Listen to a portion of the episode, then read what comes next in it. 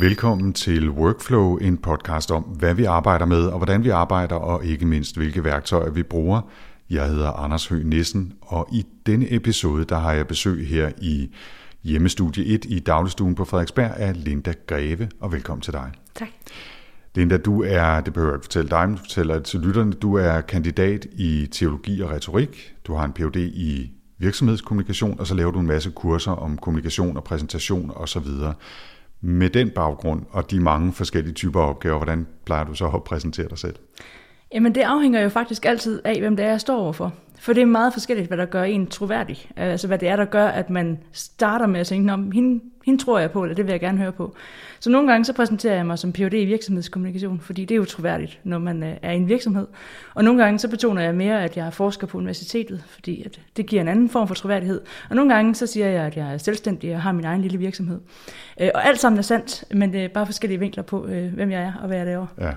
I dag der skal vi jo primært tale om præsentation og præsentationsteknik, og hvordan man forbereder sig, og selvfølgelig hvilke værktøjer man bruger. Så i dag kan du for eksempel sige, at det laver du kurser i, ja. og så giver det dig en vis grad af troværdighed, må man ja. nok sige, i den her sammenhæng. Ikke? Øhm, og som sagt, så er det altså præsentationer, øh, vi skal tale mest om, og jeg har forsøgt at lave en lille opdeling, som handler om forberedelse, det handler om selve præsentationen, altså PowerPoint osv., så, videre, så handler det om den optræden, man, man giver, når man er derude, for det er jo en slags optræden.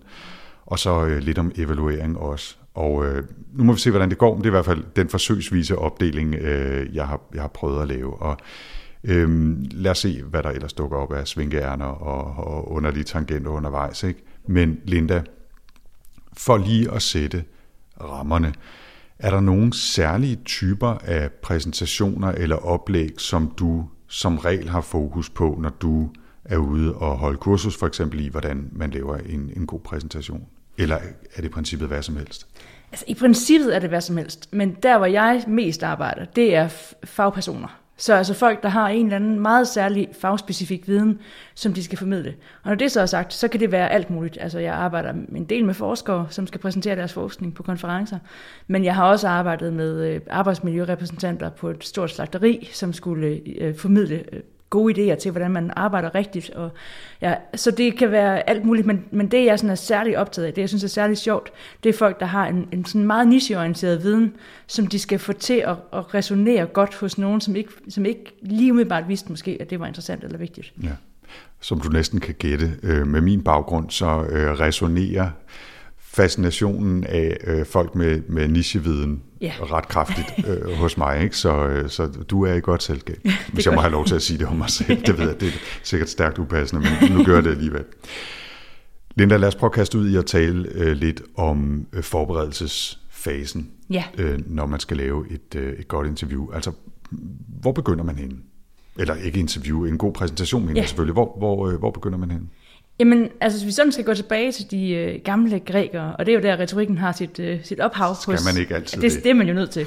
altid lige øh, citere nogen på græsk. Ja. Øh, men Aristoteles, han siger, at det man skal starte med, det er topikken og situationen. Øh, og topik, det er i virkeligheden bare en, øh, en gammel måde at sige brainstorm på. Altså det vil sige, at få afdækket, hvad ved jeg om øh, det, jeg skal sige noget om. Og jeg tror, det er ofte der, hvor folk går galt i byen, når jeg nu ser præsentationer, og dem ser jeg jo også. Jeg ser rigtig mange præsentationer, som jeg så også skal hjælpe med at rette til og ændre på og sådan noget. Typisk ledere, som skal præsentere enten for deres topledelse eller for deres medarbejdere og sådan noget ting. Øh, så er det tit der, det er gået galt i byen, fordi man har tænkt, jeg skal øh, lave en præsentation, jeg åbner lige PowerPoint. Og så kommer man i gang med at brainstorme ind i PowerPoint, øh, og så tænker man, nu har jeg 20 slides, det er sikkert fint til 7 minutter, og så kommer man til at køre det.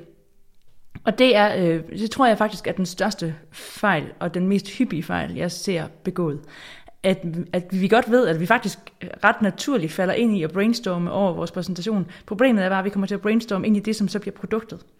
Og så får vi en præsentation, som afspejler de tanker, jeg fik i den rækkefølge, jeg tilfældigt fik dem i. Og det er ikke nødvendigvis en god historie. Så det vil sige, jeg vil altid anbefale, at man starter med at lave en brainstorm. Hvis man synes, at PowerPoint er godt til det, så gerne for mig. Men man skal bare ikke vise det til nogen, nogensinde.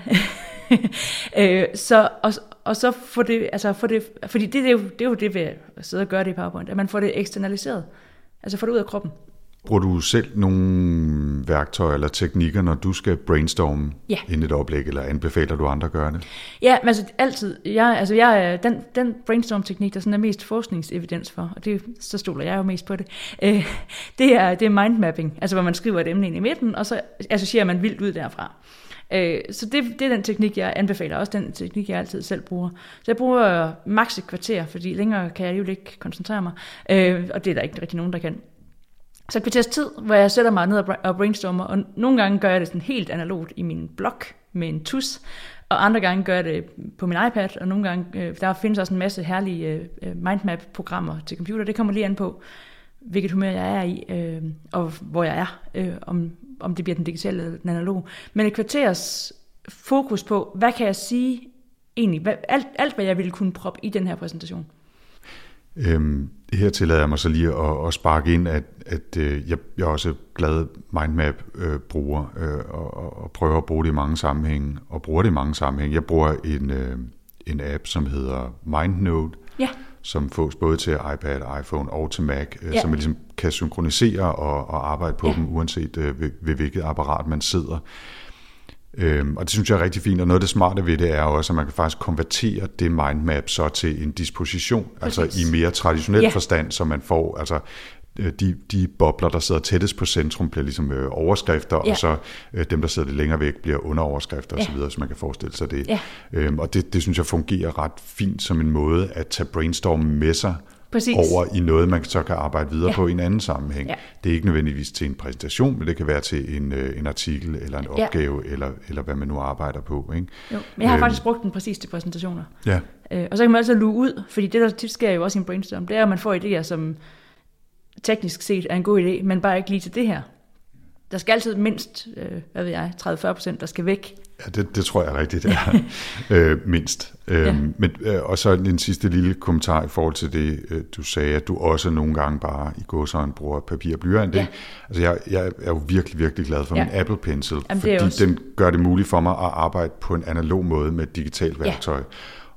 Jeg savner så bare ekstremt meget, og det er, jeg tror det er 8. gang, jeg giver den opfordring her, ikke? nogen der gad at lave et mindmap-værktøj, hvor jeg kan skrive med min Apple Pencil og håndtegne en, et mindmap, Ja. som så bliver altså, gjort til, Ja. til manipulerbar øh, tekst Ja. på computeren, er eller rigtigt. input. Altså et, et program, som kan oversætte mellem en håndtegnet Ja.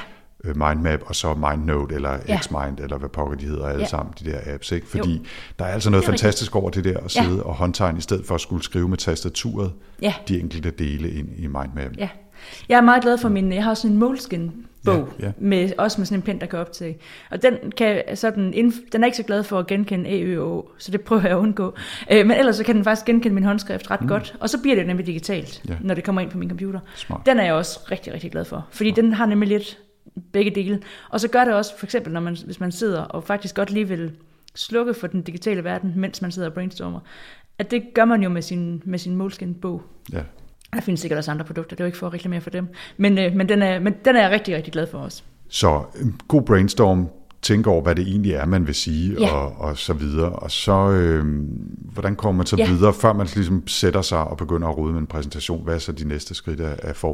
Ja, man kan sige, at det der med at få brainstormet, det handler jo om at få, få det ud af, af hjernen, som man, som man har derinde, og, og ikke at skulle jonglere med alt, hvad man ville kunne sige inde i hovedet, samtidig med, at man også skal træffe øh, reflekteret valg om, hvad der er en god idé, og hvad der er en mindre god idé.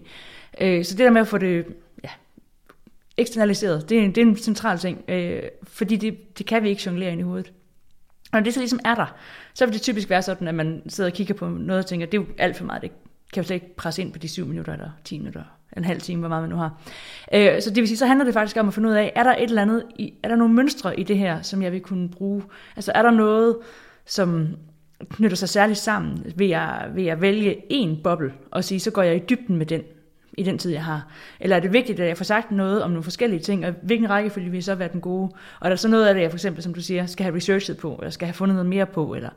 Øh, men, men, men de valg om, hvad er det for en type præsentation, jeg skal holde, når jeg først har mappet ud, hvad vi har kunnet sige noget om, så handler det om at sige, hvad er det så for en situation, jeg skal ind i? Så hvem er det, jeg skal tale til? Hvad vil de være særlig interesseret i? Øh, hvordan kan jeg ramme dem på en måde, øh, sådan så det, jeg gerne vil sige, bliver noget, som de kan bruge til noget? Mm. Øh, at det er virkelig den næste overvejelse. Altså først, hvad, alt det jeg kan sige, og derefter, hvis det er dem her, jeg skal sige det til, hvad er det så, der vil være, hvad skal jeg så vælge? Sådan så man finder sådan nogle kriterier i virkeligheden. Altså det er jo helt klassisk øh, divergent og konvergent tænkning, ikke? Man divergerer i sin brainstorm, og så konvergerer man, altså prøver at vælge ud sådan mere strategisk og mere øh, reflekteret. Når det så er den her situation, jeg skal ind i, hvad er det så, jeg skal vælge? Er der nogle mm, faldgrupper, øh, kan man sige, som, som du vil pege på i den her fase? Altså, du, du sagde lidt allerede før, det der, man skal ikke øh, sætte sig til, til PowerPoint eller Keynote, eller hvad man nu bruger, Nej. som det første, fordi så, så starter man med en struktur, som man måske slet ikke er klar til ja. at gå i gang med, ja. eller noget, der, der skal minde om et færdigt produkt, ja. alt for tidlig i fasen. Er der andre ting, som, Altså det kunne være, øh, jeg tænker, hvor, i hvor høj grad skal man ligesom skrive, øh, yeah. hvad man vil sige, og hvor høj grad skal man, øh, skal man gå og tale med sig selv, eller hvad, ja. altså, øh. Helt sikkert tale med sig selv, hellere end at skrive. Okay. Øh, og det er en anden ting, som jeg tænker er i virkeligheden er blevet endnu vigtigere i den tid, vi lever i lige nu, i forhold til bare for fem år siden, ti år siden. At mundtlighed er begyndt at blive sådan lidt en ting igen.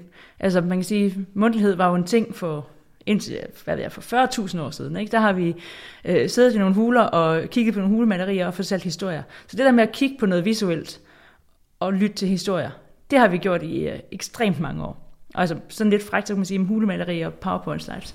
Same, same, but different. Ikke? Altså det, og, og det, ja, så det vil sige, det, det er jo en fortælling. Ligegyldigt om det så handler om, hvad ved jeg, øh, hydraulik i et eller andet, øh, eller hvad det er, det handler om, så er det stadigvæk en fortælling, øh, støttet af noget visuelt. Øh, og så har der selvfølgelig været en hel masse år, hvor det skriftlige har været det fineste, og det er det nok lidt stadigvæk. Vi synes, at det skriftlige er finere end det mundtlige. Men med YouTube og TED Talk og Vimeo og alle de der teknologier, hvor vi kan få øh, helt mundtlige fortællinger fra lægfolk, som laver fejl, når de snakker og starter afsted og glemmer at slutte og alt det der, som er det mundtlige. At det er blevet en ting igen. Altså det er blevet noget, vi kan se igen. Podcast. Og som podcast, lige mm. præcis. Mm. Som, altså, det vil sige, fortællingen er, er, er den mundtlige fortælling, den uperfekte mundtlige, vedkommende fortælling.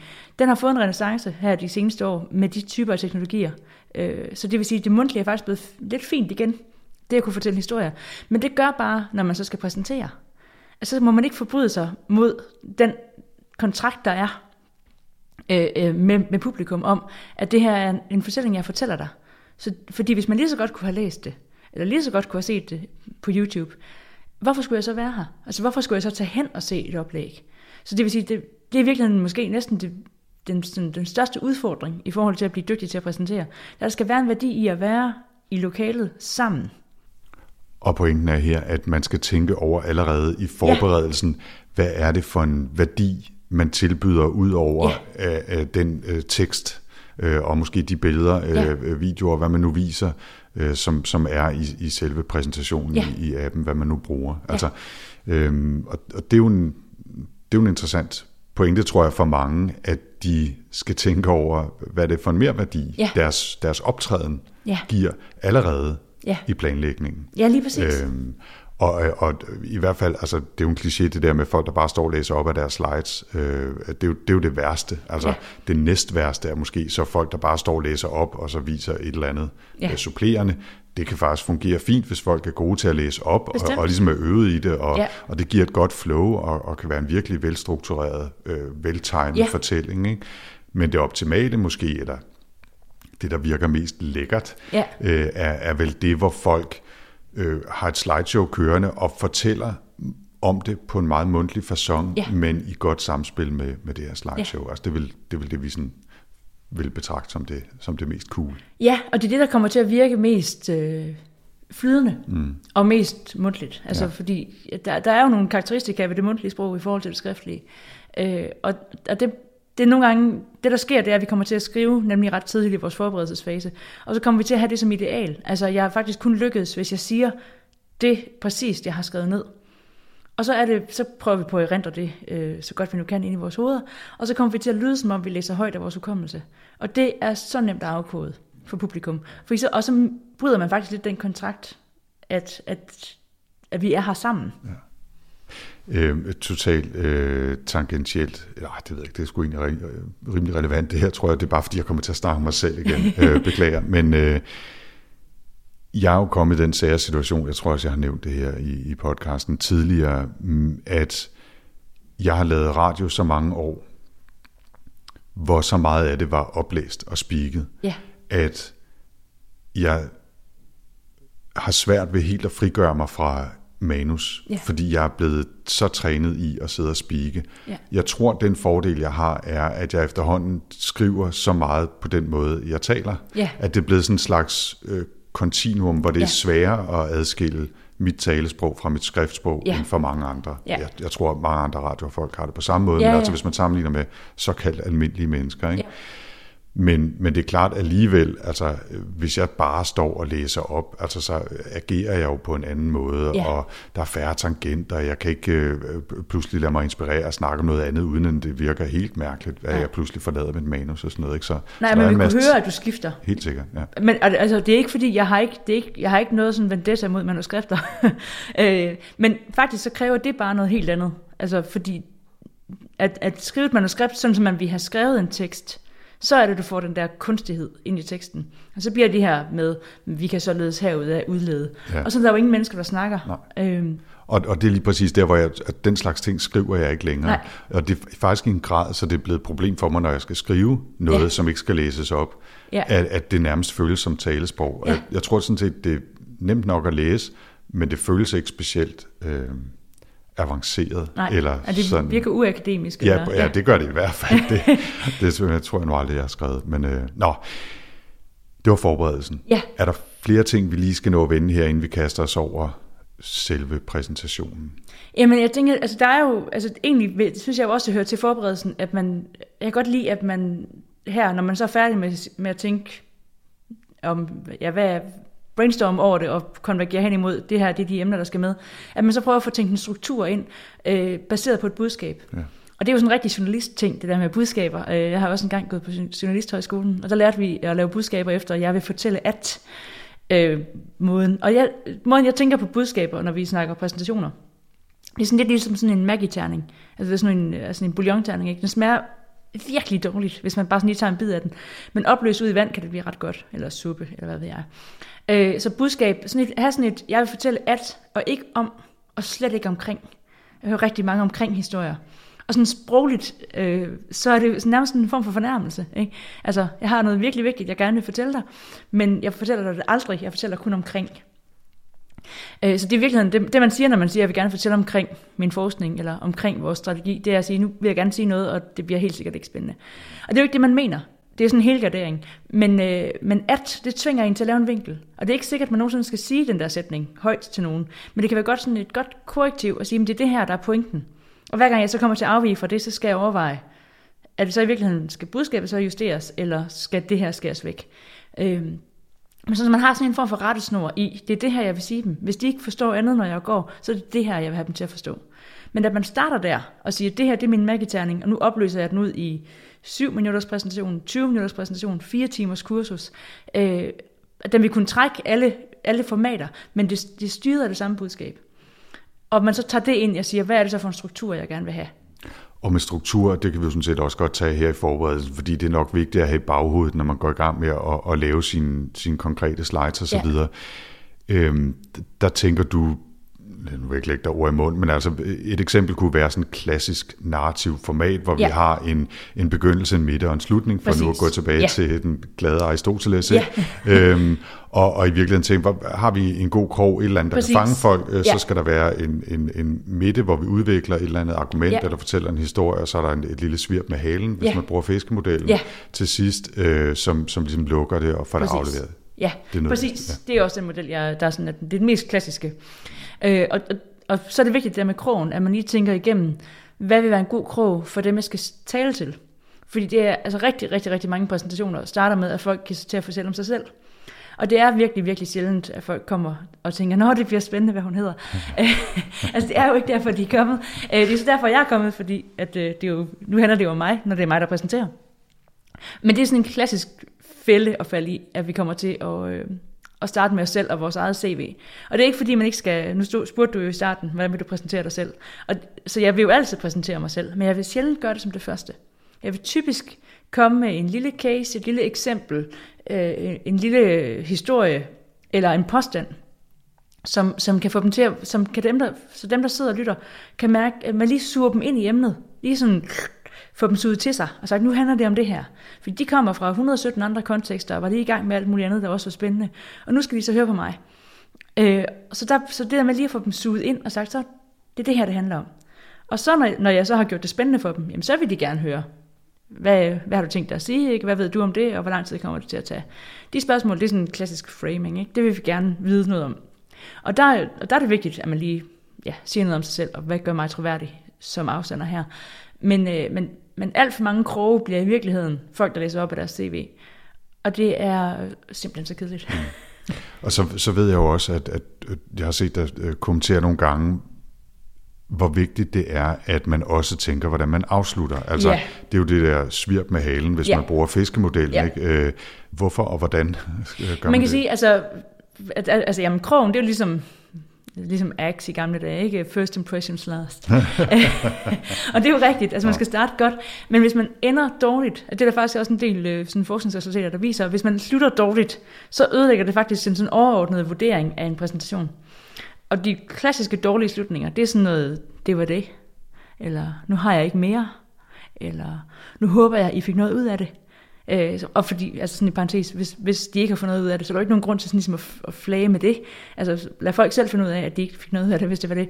Øh, og det er jo typisk sådan kaldt på anerkendelse, ikke? Så skal folk sige, jamen det var rigtig spændende, og så sige, hej, synes du? Øh, og så bliver man helt glad. Øh, men, øh, men, men det er i virkeligheden et, øh, altså, hvis man skal bruge Aristoteles begreb, så er det et ethos-tab. Altså man, man, det, det, den troværdighed, den ethos, man har prøvet at bygge op igennem hele sin præsentation, den kan man i virkeligheden lade smadre ned igennem gulvbrædderne der til sidst, ved at lave sådan en, det var det, nu har jeg ikke mere. Øh, så svirpet med halen, det kunne jo være at vise tilbage til det der lille, lille eksempel, man startede med. Øh, det kunne være, at man øh, øh, viser, hvor peger det her hen? Altså, hvad skal I gøre næste gang? Eller hvad, hvad har det af konsekvenser for os næste gang, vi skal et eller andet? Øh, og så er det vigtigt at have den der markør, især hvis folk skal klappe, når man er færdig. At det er meget tydeligt, at nu cirka ville være et godt tidspunkt at klappe på. Fordi det er stærkt ubehageligt. Og den der, det der ubehag ved ikke at vide, om det er nu, vi skal klappe, eller om det er lige om lidt og sådan noget, det, øhm, det sætter sig i folk. Som sådan et, ah, det var lidt mærkeligt. Ja. Og det kan være noget så simpelt, øh, synes jeg, som et, øh, altså et slide, hvor der står tak. Ja. Altså det bruger jeg selv, ja. øh, og det synes jeg faktisk fungerer meget ja. godt som sådan en stop. Ja, lige præcis. Og så holder jeg en pause, ja. og så kan folk klappe eller lade være, men ja, ja. de har i hvert fald fået chancen. Ikke? Ja, jo. Øhm, jo men, altså, men så det ikke bliver det der, hvis der ikke er nogen spørgsmål, så... Ja, uh, nå, men så, ja, nå, men så går jeg i gang med at pakke, pakke sammen. sammen. Ja. ja, lige præcis. Ja. Øhm, lige en ting i forhold til det der med at starte med en god case. Ja. Øhm, nu bliver jeg lidt meta fordi det er en af de ting, jeg har tænkt meget over i forhold til podcasten her, ja. altså workflow, at det er jo meget en samtale. Mm. Og nu kan jeg lige som lille teaser sige, at jeg går og roder lidt med at lave en version 2.0 af, af workflow, måske med lidt flere forskellige formater, afhængig af, hvem det er, jeg taler med, og hvad emnet er osv., kan det være, at det skal tilpasses lidt. Men det klassiske format, hvis man kan tale om det efter øh, cirka 60 episoder, det er jo virkelig bare, øh, nu tænder vi mikrofonerne, så snakker vi, indtil vi ikke snakker mere, og så var det det, ikke? Jo. Og, og det kan jeg egentlig meget godt lide, og der åbner vi jo typisk med en præsentation, fordi jeg kan godt lide at fortælle folk derude, hvem det er, de lytter til. Ja. Men det er fuldstændig rigtigt, hvis man skulle gøre det lækkert eller lidt mere avanceret, så vil det første skridt være at sige, før vi overhovedet snakker om, hvem du er, ja. hvad er det vigtigste, man skal huske, når man laver en præsentation, eller ja. hvad var den dårligste præsentation, du nogensinde har set eller ja. lavet, eller et eller andet. Så får vi en eller anden sjov historie, og så går vi i gang med at fortælle, ja. hvem Linda Greve er. Ikke? Jo. Altså, men Lige meget. Det er ja. for at undskylde formatet her, det er bare for at sige, at, at, det vil jo være en, en anden måde at gøre det Helt på. sikkert. Men ja. i dag bliver det så bare i gåsøjne en ja. samtale. så slutter vi til gengæld med tre men, gode råd. Ja, det gør vi, og det bliver svært med halen. Ja. Det kan, jeg aner ikke, hvad de gode øh, råd er, men det bliver, det bliver fantastisk. Ja. Så hæng endelig på. Ikke? Nå, skal vi prøve at, at gå videre? Ja. Øhm, det, det hele hænger jo i en eller anden grad sammen, men jo. altså på et eller andet tidspunkt, så vil de fleste jo gribe til et værktøj som PowerPoint, eller ja. Keynote, eller Prezi, eller ja. hvad der nu er derude. Ja.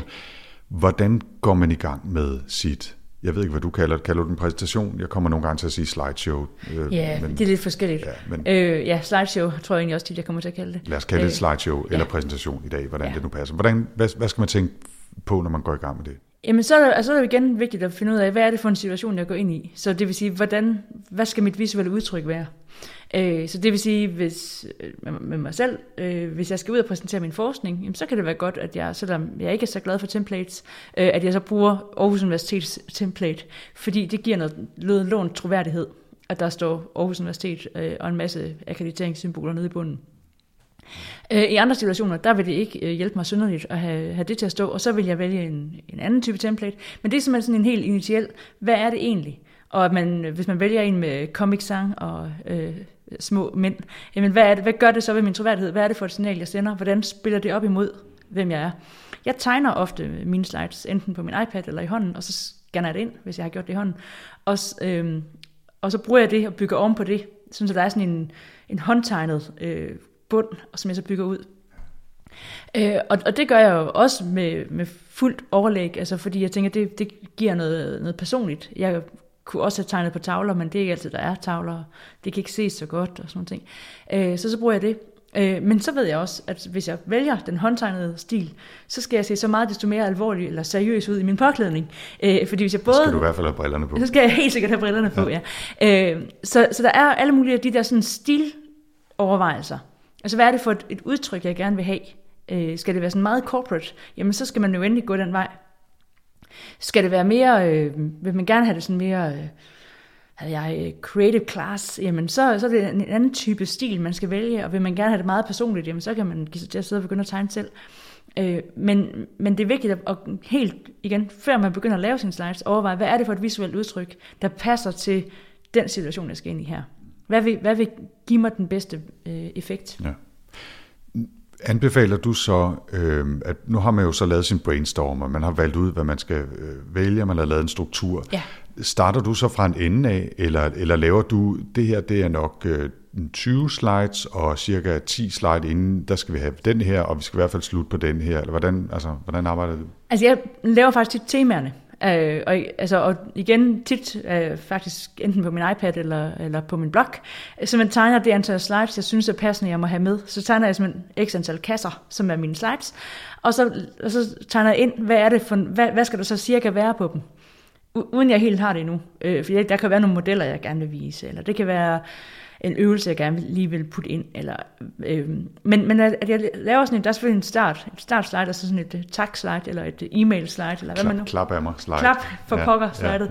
Ja, ja. Øh, øh, som ligesom er rammen. Og så ind imellem, så, så prøv at sige, hvad er det så for nogle ting? Fordi der er en risiko for... Øh, den, oh, det er mig, undskyld. Du øh, bare ja, det er en risiko, som, øh, som jeg øh, lider af, og som jeg har set rigtig mange andre mennesker lide af, at vi, øh, at vi kommer til at overproducere slides, når vi først kommer i gang. Og når vi så har lavet, brugt tid på at sidde og lave et øh, rigtig flot slide, øh, så, gider vi, så vil vi gerne bruge det. Øh, for nu har jeg også lavet det og så videre. Og så er det, at vi risikerer, at der ikke er en rød tråd, eller at øh, for, altså jeg tror, jeg har oplevet jamen, i tusindvis af gange folk, der kigger forundret op på deres slide og siger, Nå ja, den der, ja, mm, ja, den er måske ikke så vigtig. Og så klikker man videre. Og så afslører man over for sit publikum, det her, det var ikke til jer. Øh, og jeg er ikke særlig godt forberedt. Og det påvirker ens troværdighed og publikums lyst til at blive med at lytte. Øh, og det er altså tit, fordi vi bare sådan sidder og plotter ting ind i vores slideshow. Så jeg vil faktisk igen sige, start med lige at sige, hvad er det egentlig for nogle, hvis det er det her, der er min struktur, det er det her, der er mit budskab, så kunne jeg visualisere det på de her måder. Bare sådan helt skitseagtigt. Der skal være øh, lidt om det her, der skal være en model her, der skal være et, godt billede af et eller andet her. Når, når jeg så har det ligesom klar, så kan jeg begynde at lave de rigtige slides. Og min påstand vil være, så går det også meget hurtigere med at lave de der slides. Fordi man ikke skal sidde og træffe alle mulige andre indholdsvalg når man sidder med PowerPoint eller Keynote, ja. eller hvad man nu bruger. Hvis vi ser på de, de enkelte slides, altså er der nogle overordnede ting, man kan sige, det afhænger jo selvfølgelig ekstremt meget af, hvad det er for ja. en præsentation, man er i gang med, og hvem det er til, og hvad det handler om osv., men i forhold til, til tekst, billeder, videoer, animationer, overgange osv., er der ja. nogle sådan generelle retningslinjer, du kan, du kan hjælpe med? Altså det med teksten, men det har du også været inde på. Altså folk, der står med ryggen til at læse højt af deres slides. Altså, og det er, som du siger, det, det er en kliché, øh, og vi tror, at det er der ikke nogen, der gør, men det er der. Oh, okay. øh, så, øh, og, og jeg har også hørt rigtig mange sige, at jeg ved godt, at det skal man ikke gøre. Øh, men det er bare, altså det er, jo, det er jo en nemmere måde at forberede sig på. Eller så er jeg sikker på, at jeg får det hele med. Altså folk har undskyldninger herfra langt ind i helvede, for hvorfor de alligevel godt, lige de godt må stå med ryggen til at læse højt. Øhm, og, og det er bare notorisk en dårlig idé, punktum. Øh, så, så de der lange, lange tekstslides, med mindre de citater, som det giver mening, at man har, fordi det giver noget troværdighed, eller giver en teoretisk ramme, og man så læser det højt sammen med sit publikum, øh, så kan det fungere udmærket. Men ellers, så, øh, så ingen tekst, eller så lidt tekst som overhovedet muligt. Bullets kan være fine, men, men man skal huske, når man laver bulletlister, at vi har en tendens til at tillægge dem værdi, når vi, når vi ser på dem. Og at hvis man afslører alle sine bullets på en gang, så vil vi have en tendens til at læse alle bulletsene nedad. Og imens vi sidder og læser, så hører vi ikke efter.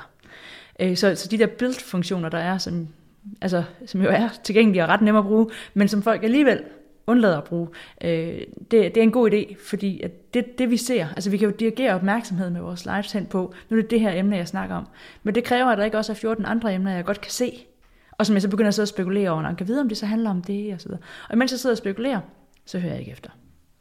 Så vi skal bruge vores, altså vi skal virkelig bruge slidesene til at dirigere opmærksomhed derhen, hvor vi gerne vil have den. Øh, og det kan vi gøre ved jamen, tekst, billeder, modeller.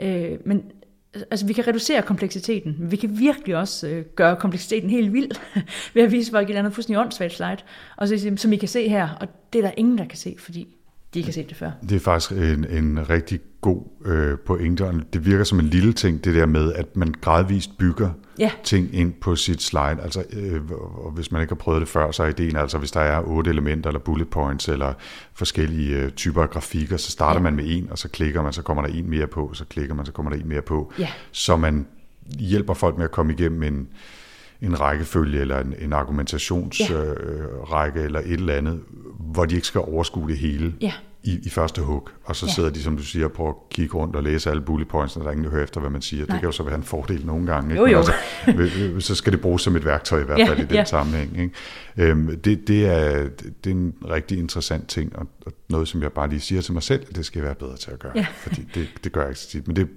også fordi, jeg har ekstremt få ord på mine ja. slides. Øhm, måske også som et, et lille øh, hvad hedder sådan noget, dogme benspænd til mig selv, for ikke at komme til at stå og læse op, ja. så har jeg stort set altså, måske to ord på ja. min slides, med mindre det er et citat ja. fra et eller andet sted, som jeg så specifikt læser op, eller ja. et eller andet, hvor jo. der er en pointe i det. Ikke? Ja. Ellers er det stort set bare billeder og, og et ja. enkelt ord eller to. Ikke? Jo. Så slipper man også for, at folk sidder og gør sådan her. Ja, lige imens, præcis. Ikke? Ja, jo. jo, man kan sige, at det med billeder er jo, altså, det er jo super virkningsfuldt, og der, jeg ved ikke, der er det der ordsprog med, at et, et billede siger mere end tusind ord. Og så er det så bare vigtigt, at de billeder, man vælger, siger de rigtige tusind ord. Fordi det, der kan man også virkelig sidetracke folk ved, at øh, man viser et billede, som, som er så meget off, at folk begynder at spekulere over, kan vide, hvorfor, hvorfor har hun taget det billede med? Og imens de sidder og spekulerer på det igen, så hører de ikke efter, hvad det egentlig var, der var grunden. Altså vi, så vi er, altså, vi er ret nemme som mennesker sådan at distrahere.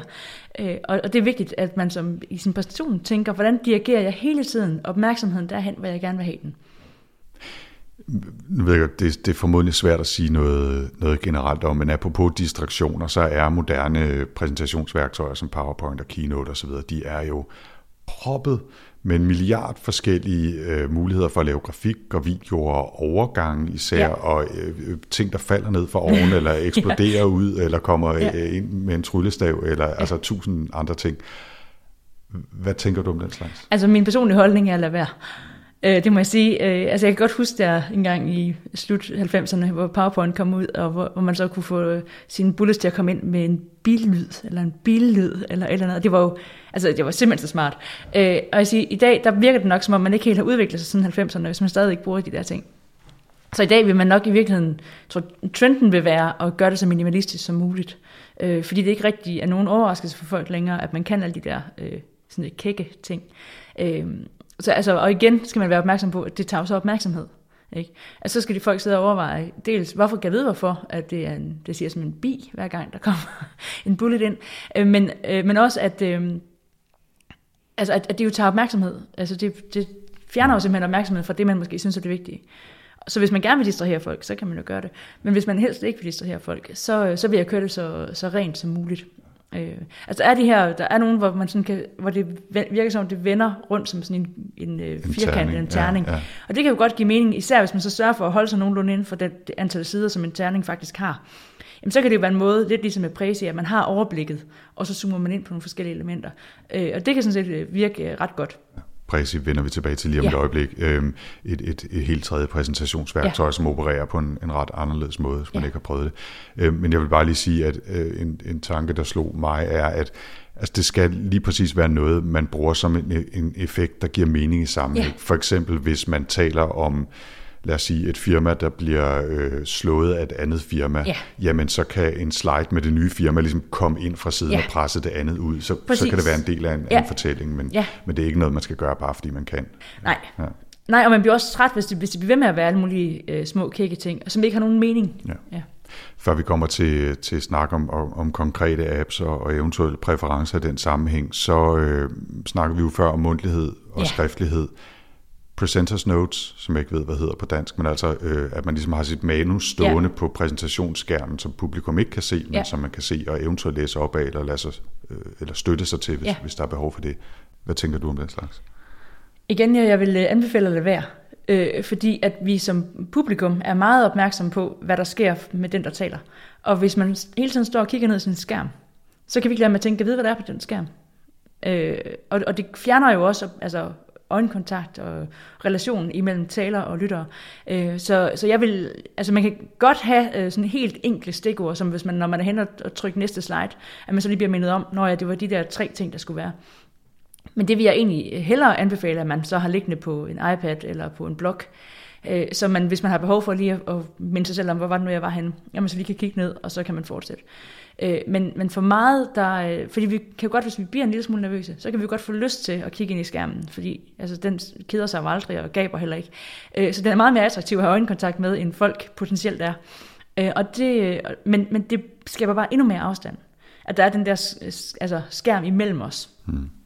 Så jeg vil, jeg vil øh, reducere øh, hvad skal man sige, den mængde af tid, jeg bruger på at kigge ned i min skærm, så meget som overhovedet muligt. Øh, og det virker på en måde mere legitimt, at jeg lige kigger ned på en blog, fordi, for lige at orientere mig, end at jeg kigger ind i en skærm. Ja. Det griber så øh, tilbage eller frem, eller hvordan det er, men i hvert fald til behovet for, at man præcis ved, hvad man vil sige, også ja. i en grad, så man enten kan det udenad, ja. mere eller mindre, eller at man med enkelte stikord ja. kommer i tanke om, nå jamen, jeg skal også sige noget om det, ja. og det jeg skal sige om det, det kan jeg så huske, og det ja. var cirka det her. Ikke? Altså, der, der kan man, som du siger, lade sig støtte af stikord, ikke? men øh, det, det kræver så, at man har jamen, rimelig, rimelig styr på sit Ja, ja, sit men man kan sige, hvis man bruger den der fiskemodel, som du også nævnte, det kan sige, at jeg har en krog, så jeg starter på en eller anden måde, så har jeg et hoved på fisken, det vil sige, at out, laver lige sådan en agenda for, hvad skal der ske cirka, og jeg fortæller lidt om mig selv, øh, og jeg sætter ligesom rammen for, hvad det er, der skal foregå. Og så har jeg en krop, som måske har, vi husker rigtig godt i triader, altså i tre, altså der er altid noget med tre prinsesser og tre trolde og tre alting. Så vi husker godt i tre. Så man så siger, at kroppen af fisken, der har jeg tre pointer. Det er de tre pointer, jeg vil ind på. De tre modeller, jeg vil vise, eller de tre cases, jeg vil præsentere. Eller hvad det nu er, man skal. Og så har man halen. Jamen, så, er det jo, så bliver man jo ikke nær så forvirret over, hvor man er henne i sin egen præsentation. Fordi det er oplagt, man kan se fisken for sit indre blik. Ikke? Der, er en, der er en krog, der er et hoved, der er en krop med tre dele i, og så er der en hale. Øh, så det vil sige, jo mere man kan tænke ind, at det er en struktur, som er nem at huske. Jeg ved præcis, for jeg bliver aldrig i tvivl om, hvad kommer først, halen eller kroppen på en fisk. Øh, så hvis jeg har den der sådan, at jeg har tænkt igennem, hvad er det, der kommer i hvilken rækkefølge, og det er logisk, så bruger jeg jo ikke mental kapacitet på samme måde, mens jeg står og præsenterer på at huske præcis, hvad der kommer nu. For det er oplagt, hvad der kommer nu. Hvad foretrækker du af apps? Hvad, hvad bruger du mest? Jeg bruger Keynote. Mm. Men det er, fordi jeg er et Mac-menneske. Ja, ja, ja. jeg var meget lille, da vi fik den første Mac, så jeg har vokset op virkelig helt bogstaveligt. Øh, så det, det er det, jeg, altså jeg bruger også, jeg har også øh, PowerPoint, men det er mest fordi, der, øh, der har vi vores corporate template på. Ja. Så, men jeg, jeg foretrækker helt sikkert Keynote. Jeg synes, frihedsgraden er større der. Ja. Jeg, jeg har ikke brugt PowerPoint så meget, da jeg sådan for alvor begyndte at komme ud og holde oplæg og foredrag og den slags ting, der, der havde jeg også taget springet tilbage ja. på Mac. Øh, det er en lang historie, det behøver vi ikke tage nu.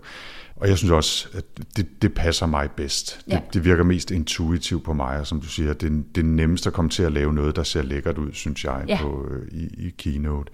Hvis man så har lyst til at prøve noget, noget helt andet, så findes der jo Prezi, ja. som du nævnte, som ja. også har eksisteret i 10 år eller mere. Ja. Øhm, men for folk, som ikke har oplevet det eller prøvet det, hvad er det så? Hvordan vil du beskrive det?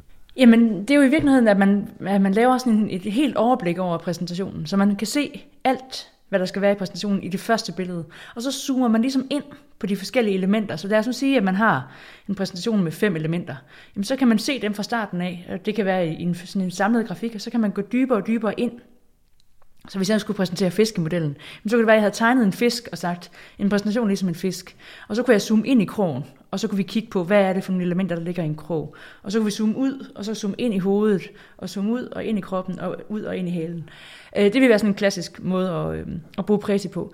Det man skal passe på med, fordi det, det er godt til at lave overblik, og det kan jeg rigtig godt lide at man får det her fulde overblik, at man som lytter kan overskue, hvad det, der skal ske, i mere end bare en eller anden bulletliste med en agenda. Men faktisk har en idé om, hvad er det, jeg skal igennem, hvad kan jeg forvente. Men, øh, men det, jeg ikke så bryder mig så meget om ved Præse, det er dem, som, som virkelig er glade for de der zoom ind og ud funktioner. Fordi man kan næsten blive søsyg. Mm-hmm øh, af det der ind og ud af, af præsentationer. Og specielt hvis de også så drejer ja. øh, samtidig. Det kan man nemlig også, at ja. så drejer 90 grader og ligesom ja. øh, hopper ind i et, et, et slide øh, eller et, et grafik, ja. som, som er, er vinkelret på, ja, på resten. På, på det resten, ja. Så, så man kan virkelig, folk der, der er gode til at bruge det, ja.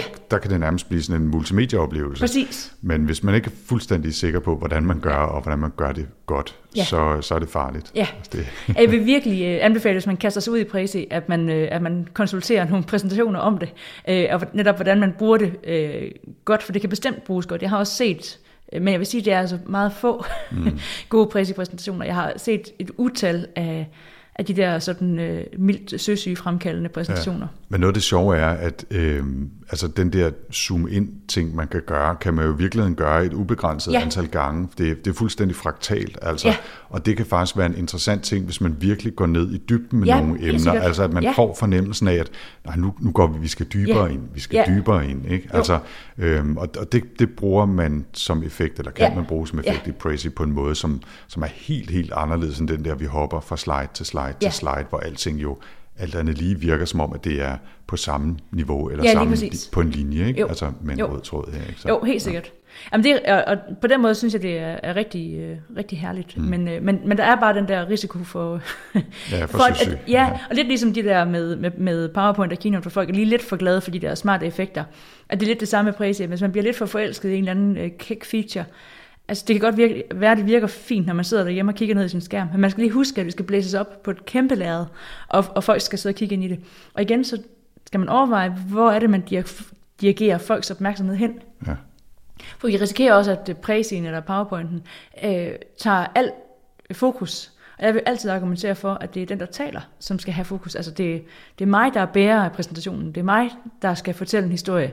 Og så kan jeg støtte mig til noget visuelt, ligesom med hulemalerierne. Øh, men, men det, er ikke, det er ikke det, der er historien. Det er, det er mig, der er historien. Og jeg skal også altid kunne levere min præsentation. Også den dag, hvor projektoren ikke virker, eller strømmen går. Hmm.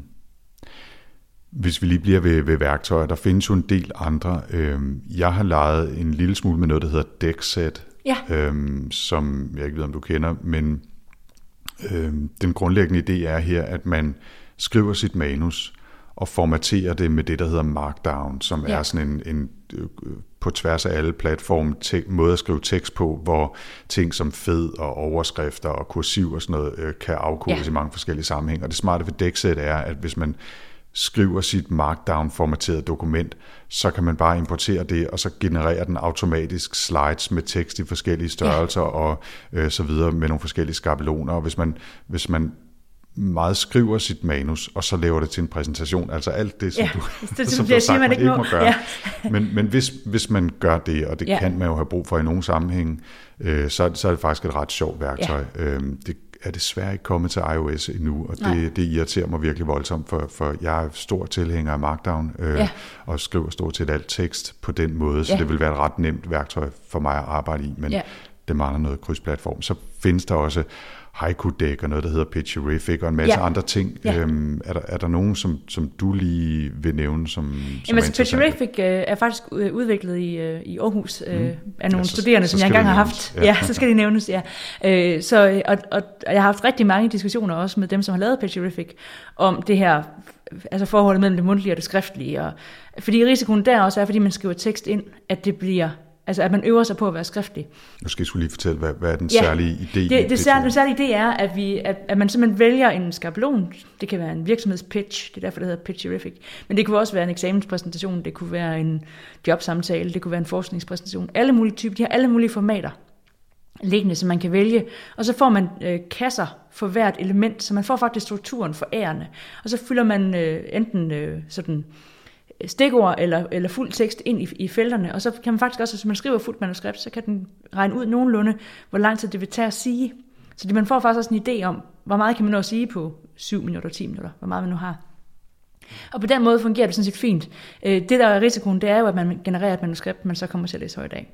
Og det er ikke så godt. Ja. Øh, men, øh, men, men det er en udmærket måde at, at arbejde med struktur, og at arbejde med at få, få tingene ind i den rigtige rækkefølge så man ikke kommer til at starte der, hvor man tilfældigvis selv starter i sin egen hjerne, men kommer til at starte der, hvor det giver mest mening for dem, der skal lytte. Ja.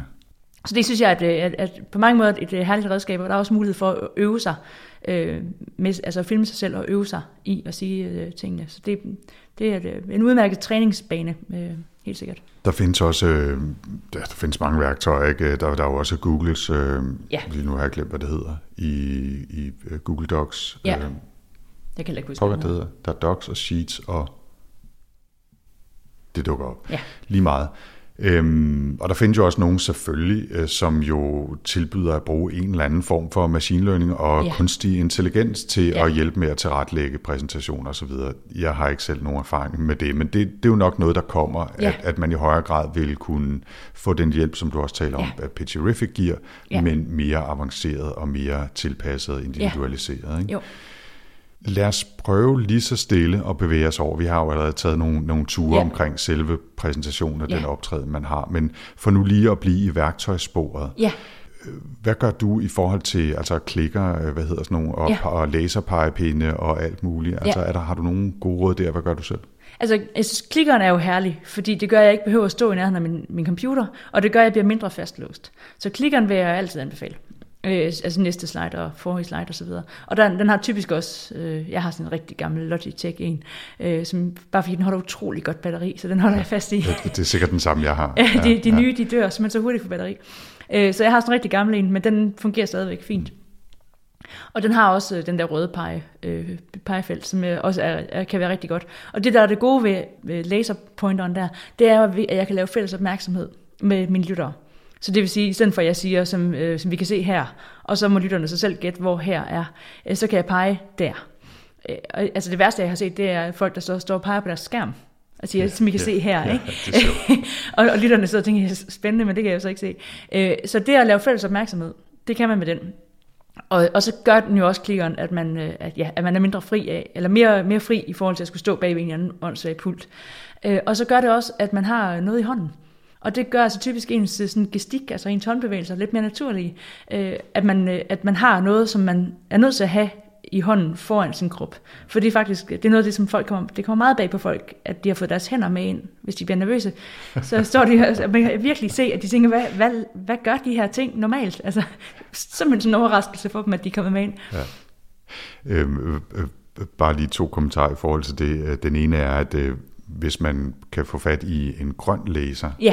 så er det som regel bedre end ja. rød, også i, i rum, som ikke helt er, er helt mørke. Ja. Øhm, så, og så, så er der jo kommet en ny Logitech faktisk, øh, som hedder, jeg tror den hedder Spot eller Spotlight. Ja. Har du prøvet den? Jeg har ikke prøvet den, jeg har godt set den. Noget af det fancy ved den, det er, at den giver nogle andre muligheder for at fremhæve ting på, på de slides, man viser. Ja. Øhm, for eksempel, i stedet for at man peger på noget med en rød eller grøn øh, ja. plet, øh, og så prøver at vise rundt, så, så laver den ligesom et spotlight, altså ja. sådan en rund cirkel omkring det, man gerne vil vise, så alt andet bliver lidt mere mørkt, ja. og så det, man gerne vil vise, bliver fremhævet i, ja. i den her runde, runde øh, ja, den runde cirkel, det er flot, ja. i den her cirkel af lys. Ikke? Jo. Og det er faktisk, hvis folk kan finde ud af at bruge det, så er det så lækkert. Ja. Altså det ser virkelig, virkelig fedt ud. Ikke? Ja.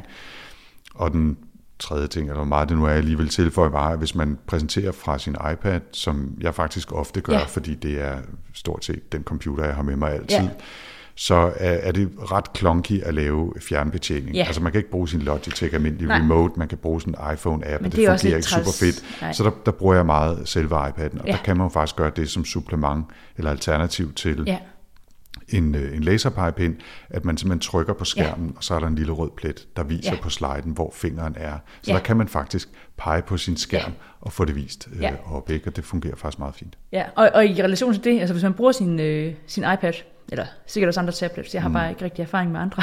Fair nok, heller ikke her. Mm. Men, øh, men, så, øh, men så kan man jo faktisk tegne til, og det er også noget, det jeg er stor tilhænger af. At der er nogle slides, eller slides, man ser, og så tegner jeg det færdigt. Og det kan man jo også gøre med interaktion.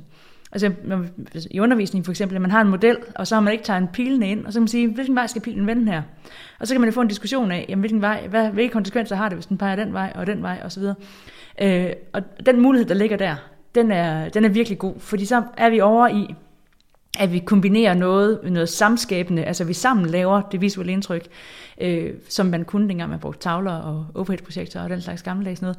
Øh, men, øh, men hvor det ikke er sådan helt fedt og komplet, fordi det der er min anke imod både Prezi og PowerPoint og Keynote og hele baduljen der, at det bliver sådan lidt som at se en film. Altså jeg som publikum bare skal læne mig tilbage og lade mig underholde.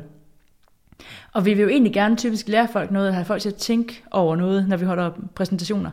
Så vi vil godt have dem lidt længere frem i sædet.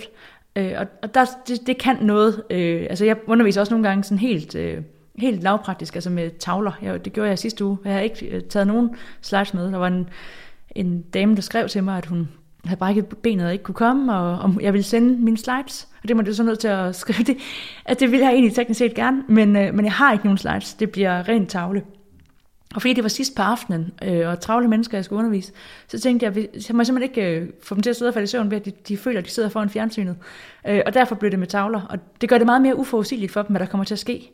Øh, og, og det kan faktisk også, selvom det er lige så planlagt fra min side, for jeg har bare, så har jeg bare tænkt igennem præcis, hvordan jeg vil bruge tavlerne, øh, så kommer det til at virke mere øh, som noget, der lige opstår i øjeblikket. Jeg kan bedre få, øh, skabe illusionen af, at det var noget, jeg lavede lige til jer, selvom det i praksis er lige så planlagt, som når jeg bruger PowerPoint. Ja. Men hvis man, man, man kan godt bruge lidt af det, altså at man har sit visuelle, det forberedte visuelle, og man så tænker ind, at jeg tegner noget på, og igen, at jeg har forberedt mig på, men det kan komme til at virke som om, at det var noget, jeg lige kom i tanke om. Øh, og det kan vi godt lide som lyttere. Ja. Det burde jo ikke være nødvendigt at sige det, men selvfølgelig skal man øve sig ja. på sådan en præsentation. Hvad anbefaler du? Fordi jeg holder tit oplæg i størrelsesorden 45-60 minutter. Ja. Der er grænser for, hvor mange gange jeg gider stå og tale ja. til mine potteplanter i, i altså hele ja. oplægget. Ikke? Men har du nogle sådan gode råd eller retningslinjer ja. i den sammenhæng? Ikke nødvendigvis til mig, men, altså, men, men sådan generelt. generelt. Jeg tror, den eneste præsentation, jeg sådan har øvet helt igennem øh, rigtig mange gange, det var min phd præsentation Altså, jeg skulle få forsvare min PhD. Det er også forholdsvis vigtigt. Ja, det var rigtig vigtigt, og øh, også med det mildt pres. Så, øh, det så gik der, godt, så. Det gik super godt. Ja. Det, ja, det var herligt. Det var faktisk en fest, men øh, det er en anden historie. Men den, den havde jeg faktisk gået igennem øh, seks gange øh, fra okay. ende til ende, okay. øh, som vil være mit generelle råd, sådan fem-seks gange. Øh, ikke, altså en til to gange, det er typisk for lidt, fordi så har vi det ikke rigtig under huden. Og på den anden, i den anden ende, hvis man øver det 20 gange, når man så holder det der 21. gang, som er den rigtige, så kan man næsten ikke overskue at høre på sig selv længere. Og så bliver det nemt lidt jappet og sådan lidt, øh, med de vidtigheder, man har lagt ind. Øh, og det kan publikum igen mærke, at det ikke er så sprødt. Så sådan en 5-6 gange, men det er klart, hvis du skal præsentere 45 eller minutter eller en time, så skal du ikke stå jo det igennem 6 gange. Øh, nu gjorde jeg det med det der, men det var fordi, det var sådan high stake. Ja. Øh, men, øh, men når det ikke er helt så high stake, eller når det godt må være mere frit, så vil jeg have øvet mig faktisk gerne en 5-6 gange på, hvordan jeg kommer rigtig godt ind og rigtig godt ud. Så det vil sige krogen og halen på fisken. Øh, dem vil jeg have øvet rigtig godt igennem. Øh, især hvis man er i risikozonen for at blive nervøs. Fordi hvis vi kan hvis de første par minutter er sådan relativt indstuderet, jeg ved, hvordan jeg vil gøre det, så kan vi faktisk få nervesystemet til at falde nogenlunde til ro. Og så vil, de så, så vil vi begynde at kunne mærke presset igen, når vi er hen imod slutningen. Og igen, så kan det være godt, at, vi, at jeg så ved, at jeg har sådan nærmest en plade, jeg kan sætte på de sidste to minutter. Og så kører det, og så får jeg sluttet af godt. Hmm. Så de to ting, dem vil, jeg, dem vil jeg øve ret godt. Og det er jo ikke nødvendigvis en ord til andet, at jeg kan huske alt, hvad jeg skal sige, men at jeg kan huske, hvad er det for en historie, jeg gerne vil starte med, og hvordan er det, jeg gerne vil runde af. Øh, så, så den ramme er helt fast. Glimrende pointe. En af de vildeste præsentationer, jeg kan huske, jeg har set, det var uh, Lawrence Lessig, en mm. amerikansk uh, juraprofessor, som har været stærkt involveret blandt andet i Creative Commons-bevægelsen. Uh, ja. Og jeg tror, han har holdt sine præsentationer rigtig, rigtig mange gange, så ja. han har fået ikke bare øvet det 20 gange, men også holdt det 220 ja. gange, ikke ja. mindst. Men hans præsentation var fuldstændig crazy, fordi han havde måske, hvis han skulle holde 45 minutters oplæg, så havde han 250 slides. Ja. Og så klikkede han nogle gange sådan nærmest ord for ord for ord. Ja. Så stod der det, han sagde. Ja. Et slide, et ord per slide, altså i løbet af en sætning. Ja. Og det var simpelthen så fedt et show, Ja. altså, men det kræver jo, at man har 100% styr på, hvad man skal sige, og hvilke slides der kommer, og hvornår. Ja. Og det, der skal ikke være noget mismatch der. Nej, nej. Men så har man også øvet sig Præcis. rigtig, rigtig mange gange. For, for Og det kan man også se, hvis man, altså en af mine yndlings uh, guilty pleasures, det er TED Talks. Mm. Uh, ser jeg alt for mange af dem.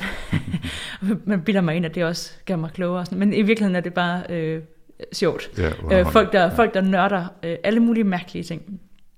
Og der kan man også se, fordi de er meget, meget trænede. Det skal de være. De kommer igennem ret uh, Ja, hård jo- træning for at komme på. professionelt forløb, Ja, ikke, hvor de jo. øh, er igennem sådan Og det kan man også se, det forvalter de meget forskelligt. Altså nogen forvalter det øh, super godt, og, og altså, kan være levende i det der ret forberedte. Og andre, de bliver simpelthen så hængt op på, at de skal sige ting i den bestemte rækkefølge, at, øh, at det bliver kunstigt. Og så mister vi lidt for dem. Så det er lige præcis, altså, for der er nogen, der virkelig kan det der sådan enormt teknologibaseret, og, altså, hvor det netop bliver sådan et, et show, hvor man næsten smelter ind i sin præsentation.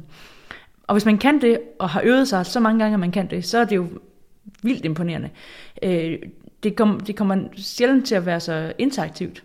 Så hvis man gerne vil have folk ind og blande sig og stille spørgsmål og sådan noget, øh, så er det mindre sandsynligt, at de gør det, hvis det virker meget overproduceret.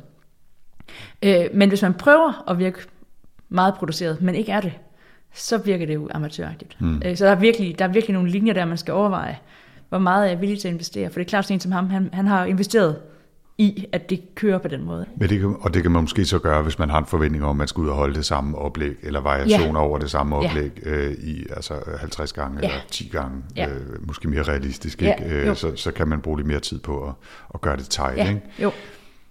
Øhm, nu skal vi ikke fortabe os nødvendigvis i den del. Øh, Du har sagt en, en masse rigtig gode ting om det allerede. Noget af det, som jeg synes er for mig personligt en, en udfordring, det er, at jeg som regel altid får en eller anden idé om noget, jeg også gerne vil fortælle, når jeg Ja. står der. Ja. Og så er det, man havner i den der situation, hvor pludselig er der kun 40% tilbage til de Ja. sidste 50% Ja. af, af, af præsentationen. Ikke? Jo. Og, øh, og, det, og det er altid en udfordring, og det, jeg takler det lidt på forskellige måder. Nogle gange så gør jeg det, man aldrig må gøre, at jeg simpelthen siger, okay, de her tre øh, ting, dem får vi simpelthen ikke tid til nu. Nej. Dem kan vi tage i spørgerunden, eller bagefter Ja. øh, et eller andet, så nu hopper jeg lige hen over dem, og så samler vi op. Ja. Andre gange så kan jeg se, okay, hvis jeg siger lige præcis det, jeg har skrevet ned i mine noter, der skal siges Ja. til de her slides, og skruer 10% op for min talehastighed, så Ja. kan jeg lykke den hjem. Ikke? Ja.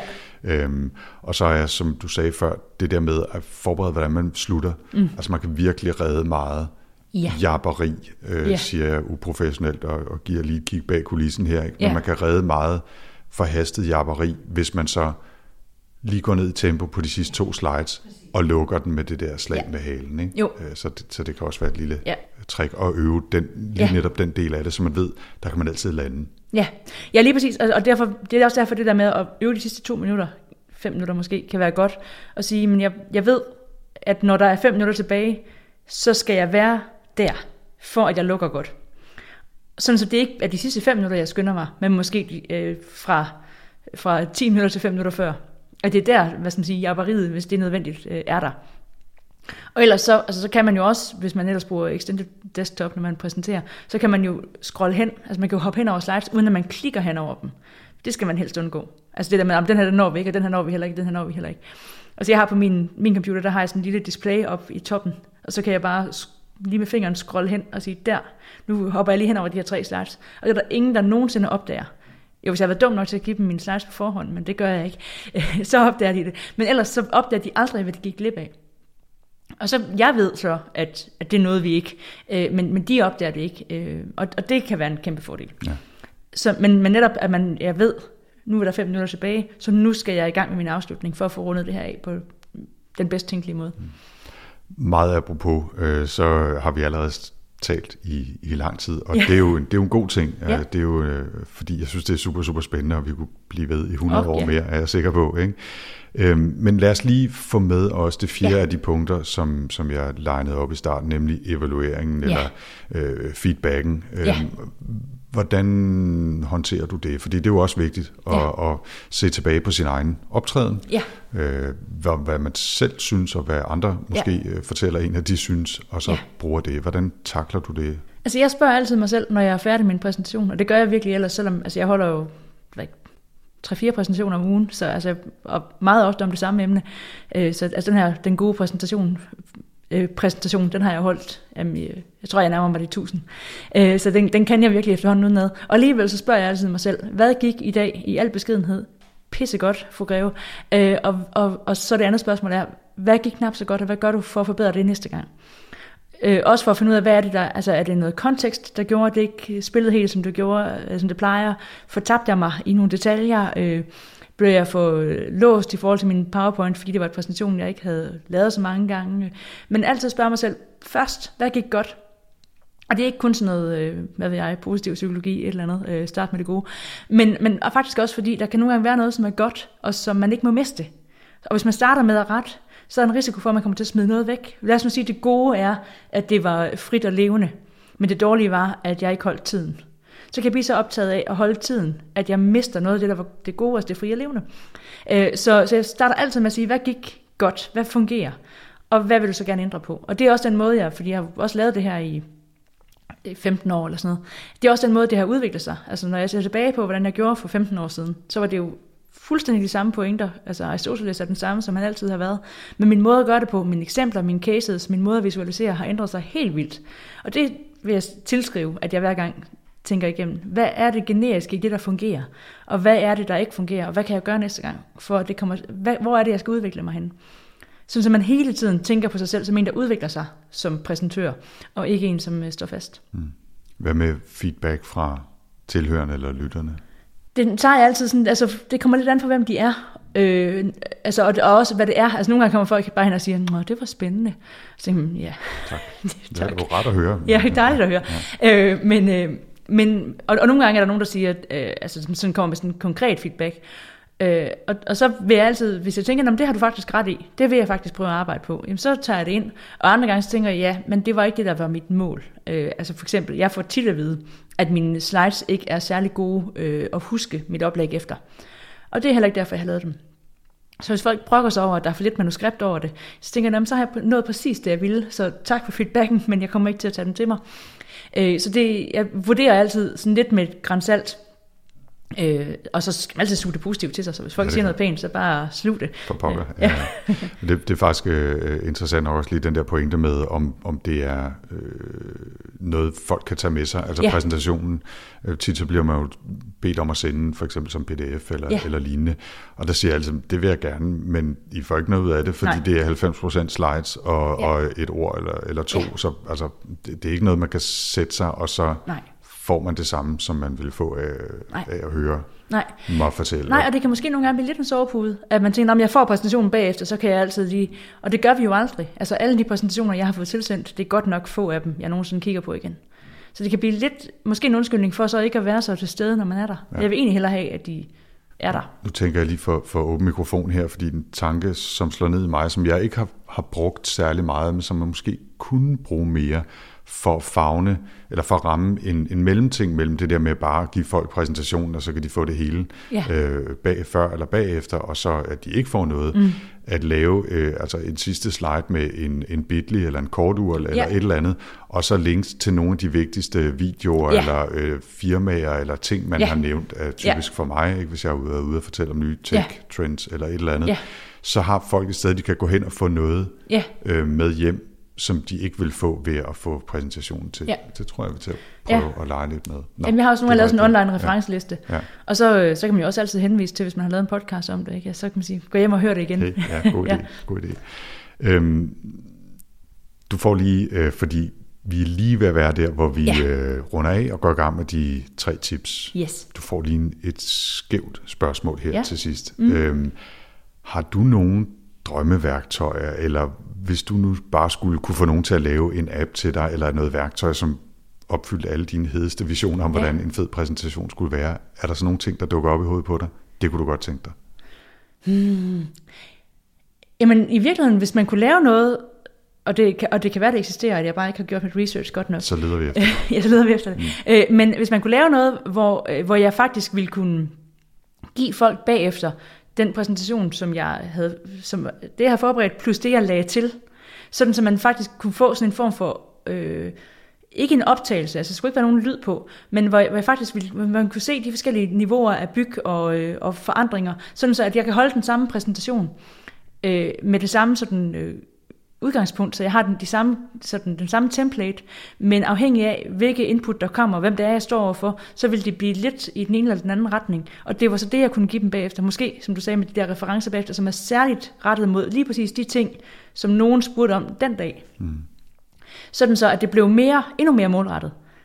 Uden at jeg sådan skulle sidde og lave det hele om hver gang, men at jeg havde sådan en grundtemplate, som, som jeg så byggede ovenpå hver gang, med enten på min iPad eller på alle mulige andre måder. Det vil jeg tænke, fordi det ville kunne gøre, at der var en, en reel værdi i at få det bagefter. Ja. Altså øh, så det spiller sammen. Vi, vi talte lidt om det før, da du nævnte Picturific. Ja, øhm, Altså, at den kommer nærmest ind og automatiseret foreslår, der skal også lige være den ja. slide her, fordi du sagde under præsentationen noget, som ikke er en del af skabelonen, ja. eller, ja, lige ikke skabelonen, men din, ja. din standardpakke. Øh, øh, pakke. ja. Og derfor skal det lige ind her som slide nummer 5, at du også nævnte det her ja. eksempel og det sker automatisk. Ja, ja, ja for det er tit, jeg siger, at det skal jeg nok lige huske på det ind, og så glemmer jeg, hvad det var, jeg skal på ind. Hvis jeg kunne lave det uh, on the fly, altså mens jeg var der, det, ville, det tænker jeg, det ville give en værdi i at få det bagefter også. Som vil være en værdi, som kun gav mening for dem, der var der selvfølgelig, men det er jo også dem, der skal have den. Præcis. Den idé er hermed givet videre. Ja. Hvis du ikke selv har lyst til at lave det, så kan det være, at du har nogle nye studerende, ja, som kan som, øh, lave... Som kaster sig ud i det. Ja, det kunne som, Præcis, ja. kaster sig ud i at lave det. Ja. Linda, tusind, tusind tak jeg er sikker på, at der sidder øh, en milliard Øh, nej, det gør der ikke. Dansktalende lyttere. der, der sidder mange derude, heldigvis, øh, håber jeg stadigvæk, øh, som har fået meget ud af det her. Og selv hvis der ikke gjorde, så lige meget, fordi jeg har fået virkelig mange input, og øh, bare lige for at runde af på præsentationsdelen her, så tror jeg, jeg vil huske at tage med mig, bruge flere builds, altså mm. øh, de, de få slides, jeg har, hvor der er øh, bullets ja. eller flere elementer, prøve at, at arbejde lidt med, at de bliver bygget på gradvist. Ja. Så skal jeg blive bedre til at bruge færre øh, nedskrevne manuser ja. og gå over til mere stikord. Mm. Jeg tror ikke, jeg kommer til at frigøre mig helt, fordi jeg laver så mange forskellige variationer af ja. Oplæg, at det vil være svært for mig at, at ligesom øve dem alle sammen godt nok hver gang. Så have nogle stikord tror jeg vil ja. være godt, men det er også bedre end at have nedskrevet manus. Så det er i hvert fald to ting, ja. øh, jeg øh, har taget med mig. Og så det der med måske at have et, et uh, online opsamling af ja. nogle vigtige links og sådan ja. noget. Nå, det var i hvert fald tre ting, som jeg lige tager med mig. Ja. Så tusind tak for det. Jeg er i hvert fald blevet klogere. Tre tips ja. har du så til gengæld, som om du ikke havde givet nok, så får du også lov til at give uh, tre tips mere. Hvad er tip nummer et? Ja, altså, det ligger jo lidt tilbage til det, vi allerede har snakket om. Det øh, og man kan sige, at det overordnede for mig, det er, at vi forbereder os på at være sammen med nogen. Øh, og ikke forbereder os på at sidde og viske foran vores computer, øh, for det er der rigtig mange, der gør. øh, så det vil sige, det, det er faktisk, øh, det, at, det, øh, altså at, at alt igennem ens forberedelse handler om at bevæge sig hen imod, at det her det er, det skal ende ud i, at jeg står sammen med nogen og siger noget, som skal inspirere dem. Så at det er sådan det alt overskyggende øh, sådan, øh, paradigme for at, at tænke præsentationer i dag, øh, det er at, øh, at tænke, hvordan forbereder jeg mig sådan, så jeg er nærværende, når jeg står der. Ja. Øh, så det vil være mit sådan, første tip. Hele tiden at tænke ind, hvordan er det, det her det bliver noget, som bliver øh, personligt mellem mig og lytterne. Det kan godt kræve lidt og så øve det, ja. øh, at, at man ligesom øh, stiller sig op i sit soveværelse, eller hvor man nu gør det, ja. og taler til de hundredvis af mennesker. Lige præcis, ja, ja. ja. Det kræver noget, ikke? Ja, jo. Tip nummer to.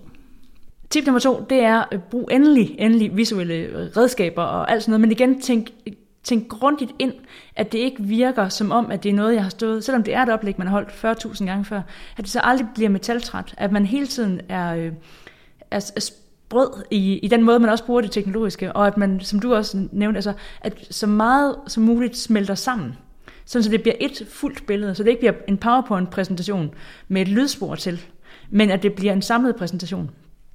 Øh, ja. Mm. Og så kan du næsten gætte, hvilket nummer tip vi er kommet til. Det er ja. tip nummer tre. Ja, og det sidste tip, jeg vil give, det har vi ikke snakket så meget om, men det er selve performance. Når man nu står der ude sammen med mennesker, øh, så er det virkelig, virkelig vigtigt at huske, at alle mennesker uden undtagelse vil ses. Man skal kigge folk i øjnene. Ikke stige på dem, men kigge dem venligt i medkommende i øjnene.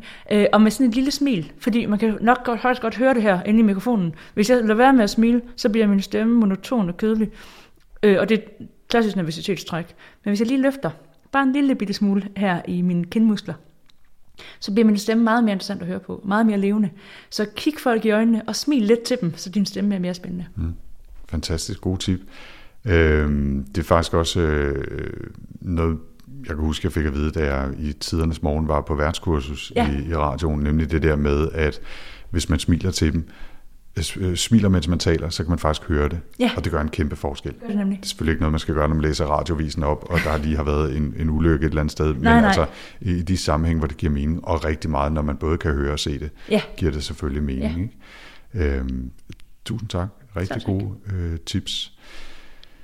Og med det, øh, Linda, så er vi færdige for i dag. Ja. Det har været en af de længere, men også en, tør jeg godt sige, af de bedre. Så tusind tak, fordi du kom. Hvor vil du dirigere folk hen, hvis de gerne vil vide mere om dig? Jamen, om mig, så kan man jo gå ind på Aarhus Universitets hjemmeside, så ligger mine forskningspublikationer. Øh, øh, derudover har jeg også skrevet en bog om alt det, vi nu har siddet og snakket om, som hedder Den gode præsentation, øh, som handler om faglig kommunikation. Så det kunne også være en vej ind i, og hvis man nu ikke vil, så gerne vil lytte sig til mere, men gerne vil læse sig til mere, ja. så kunne det være to veje. Og så har jeg også min egen private hjemmeside, som hedder lindagreve.dk. Godt. Vi linker til alle tre dele fra show notes i den her ja. øh, podcast, og så kan man finde dig den vej igennem. Tusind, tusind tak, fordi du kom. Selv tak. Jeg hedder Anders Høgh Nissen, og jeg kan findes på potlab.dk på det store internet, eller på Twitter som potlab.dk, og hvis man vil følge med i, hvad jeg render og foretager mig sådan lidt mere privat eller personligt, så er mit Twitter-handle Anders stavet 4ND3RS. Og tilbage er der så bare at sige på genhør, og tak for denne gang.